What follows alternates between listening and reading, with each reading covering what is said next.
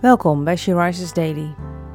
Deze maand staat het thema rust centraal en de overdenking van vandaag is geschreven door Carla Kwakkel. We lezen uit de Bijbel, Filippenzen 4, vers 9.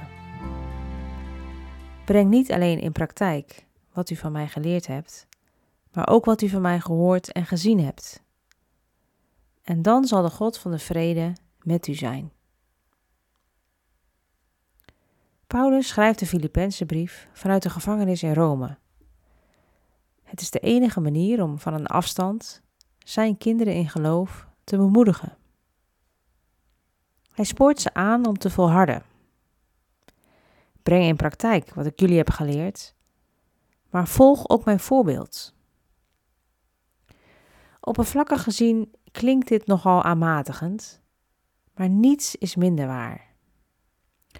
Wanneer je je namelijk verdiept in het leven van Paulus, dan zie je dat hij vanaf zijn radicale bekering op de weg naar Damascus zich volledig had overgegeven aan de Heer Jezus Christus. Hij noemde zichzelf de minste onder de broeders, omdat hij voordat hij tot bekering kwam, de gelovigen had vervolgd. En nu wilde hij overal waar hij kwam het goede nieuws vertellen dat er redding en bevrijding is in de dood en opstanding van Christus. En in dezelfde brief zegt hij: Het enige wat ik wil is Christus kennen en ervaren hoe groot de kracht is waardoor Hij uit de dood is opgestaan. Ik wil ervaren wat het betekent om met Hem te lijden en te sterven, om uiteindelijk te komen tot de opstanding uit de dood.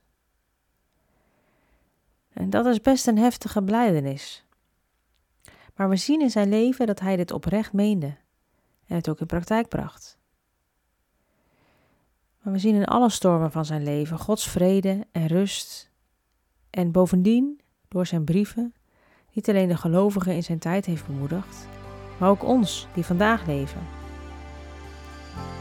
En dus kijk ik vandaag in de spiegel en vraag mezelf af: heb ik diezelfde passie en overgave die Paulus had? En ik bid. Heer, dank u wel voor het voorbeeld van Paulus. Wij weten niet wat de toekomst ons brengt, Heer, maar help ons om op de uw weg te blijven, wat het ons ook zal kosten. Het heeft u alles gekost om ons leven te geven. En dank u wel, Heer, dat u ons heeft gered en wij altijd uw rust en vrede mogen ervaren. Amen.